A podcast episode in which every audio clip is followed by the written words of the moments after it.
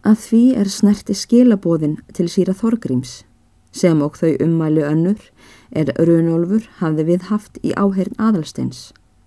Þá þóttist hann lesa út úr því öllu saman inngróin kala Runolfs til Steingríms sonarsins og enda ef til vill að Runolfur myndi ætla sér að gjöra einhver ójöfn skipti millir svona sinna í henni síðustu röðstöfun egna sinna og myndi eitthvað því líkt búa undir orðsendingunni til síra Þorgríms. Aðalstein var nú alls ósmeikur að því er síra Þorgrim snerti og þekkti drengskap hans of vel til að óttast að hann myndi eiga hlut af nokkrum ójöfniði með föður sínum eður vilja gjöra bróður sinn afskiptan. Enda hugði Aðalstein sjálfsagða skildu sína að flytja honum orðsendinguna eins og hann hafði heitið. En hann vissi líka að öðru hafði hann ekki heitið og ekki skuldbundið sig til neins annars en þessa eina og aðeins sagt. Ég skal skila því til síra Þorgrims sem þér leggið fyrir mig. Eftir góðrar stundar málkvild tókin gamli maður aftur til orða og mælti. Mér rýður mikið á þessu drengur minn að ég geti fengið síra Þorgrim minn hingað á fund minn sem fyrst og ætti hann að fara af stað undir eins og þú kemur heim. En hvað líður nú ykkar ferð? Farið þið ekki af stað í dag? Líklega förum við ekki í dag, svaraði Aðalstein. Hestarnir þurfa að fá góða kvild áður en við leggjum upp aftur í slika langferð. Þessi maður hefur fengið þig til að ríða með sér, sagði nú Runolfur. Aðalsteini var byllt við þessa spurningu og vissi fyrst ekki hverju svara skildi. Við hvern eigið þér, segir hann. Nú þessi maður, þessi yngimundur sem hér var uppi í gergföld í frambadstofunni. Nei, svara Adalstein, hann hefur ekki fengið mig til að ríða með sér. Adalstein vissi en ekki hvað Runolfur átti við. Jæja, segir Runolfur. Ég veit ekki annað en það sem mér er sagt. Hún Sigriður hérna sagði mér í gergföld að það væri komin roskinlegur maður með sjúklegu útliti langt að og myndi ætla sér að leita lækninga til steingrims, en þú værir fyldarmadur hans.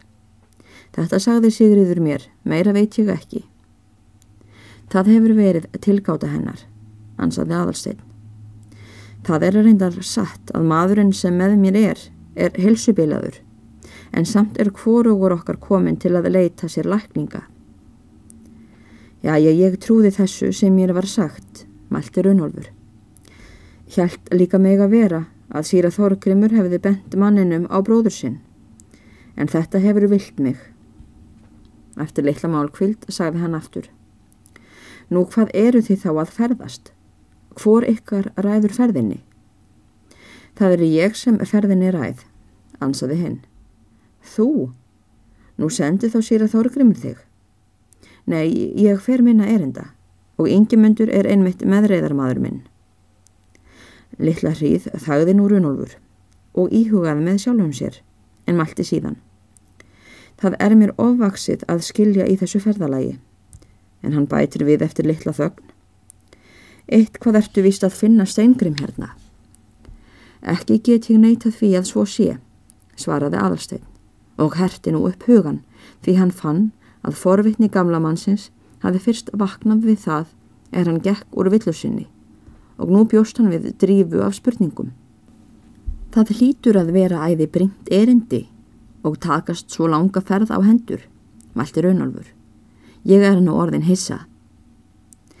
Aðalsteini fannst nú að gamli maðurinn mælti þessi orð fremur til sjálfsín en til hans, með því hann talaði þau látt fyrir munni sér og hleyfti því fram af sér að svara þeim.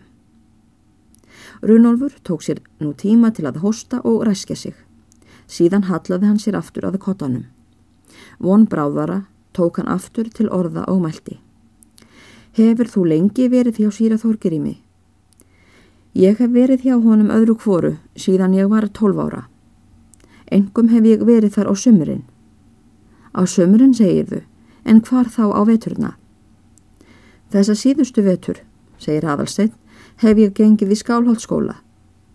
Í skálholtskóla? segir öldungurinn og verður bild.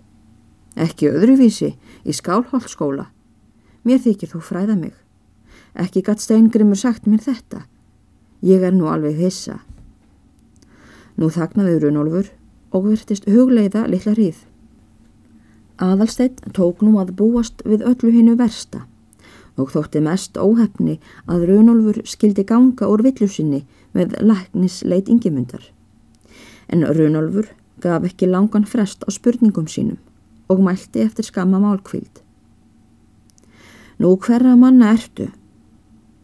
En aðalsteinn svaraði blátt áfram og let sér ekki hóti bregða. Ég er Steingrimsson.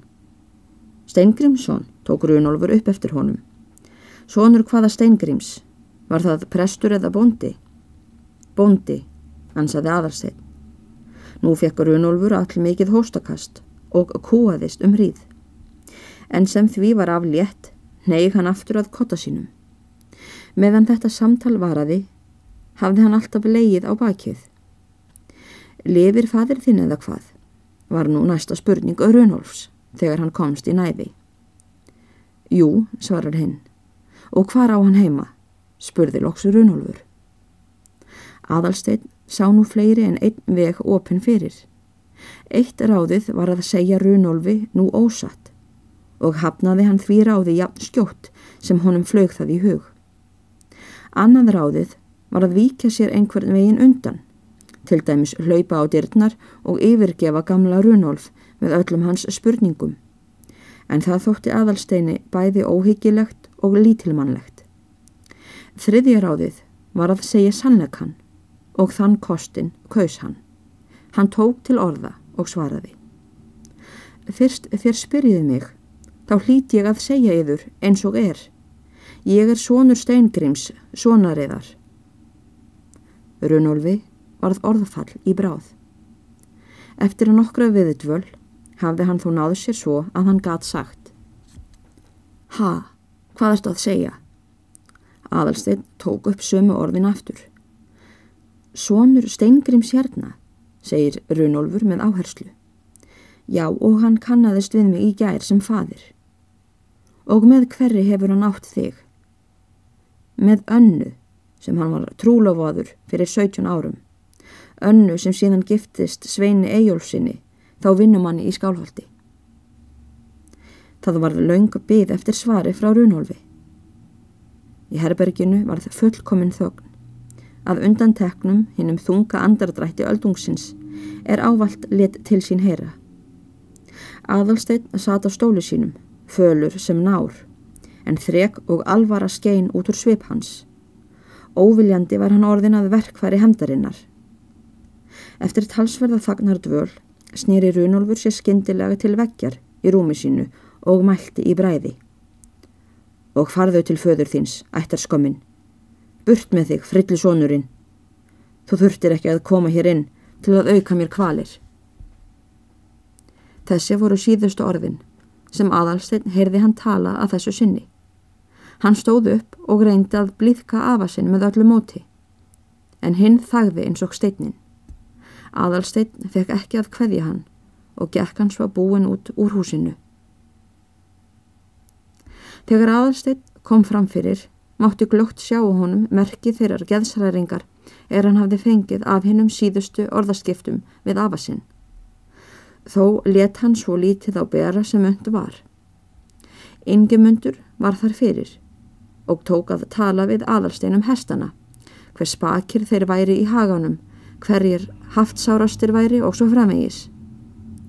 En aðalstein leit varðla við Ingemundi svaraði fáu til og gekk rakleðis fram baðstofugólfið og niður stegan. Þetta þótti yngimundi nokkuð kynlegt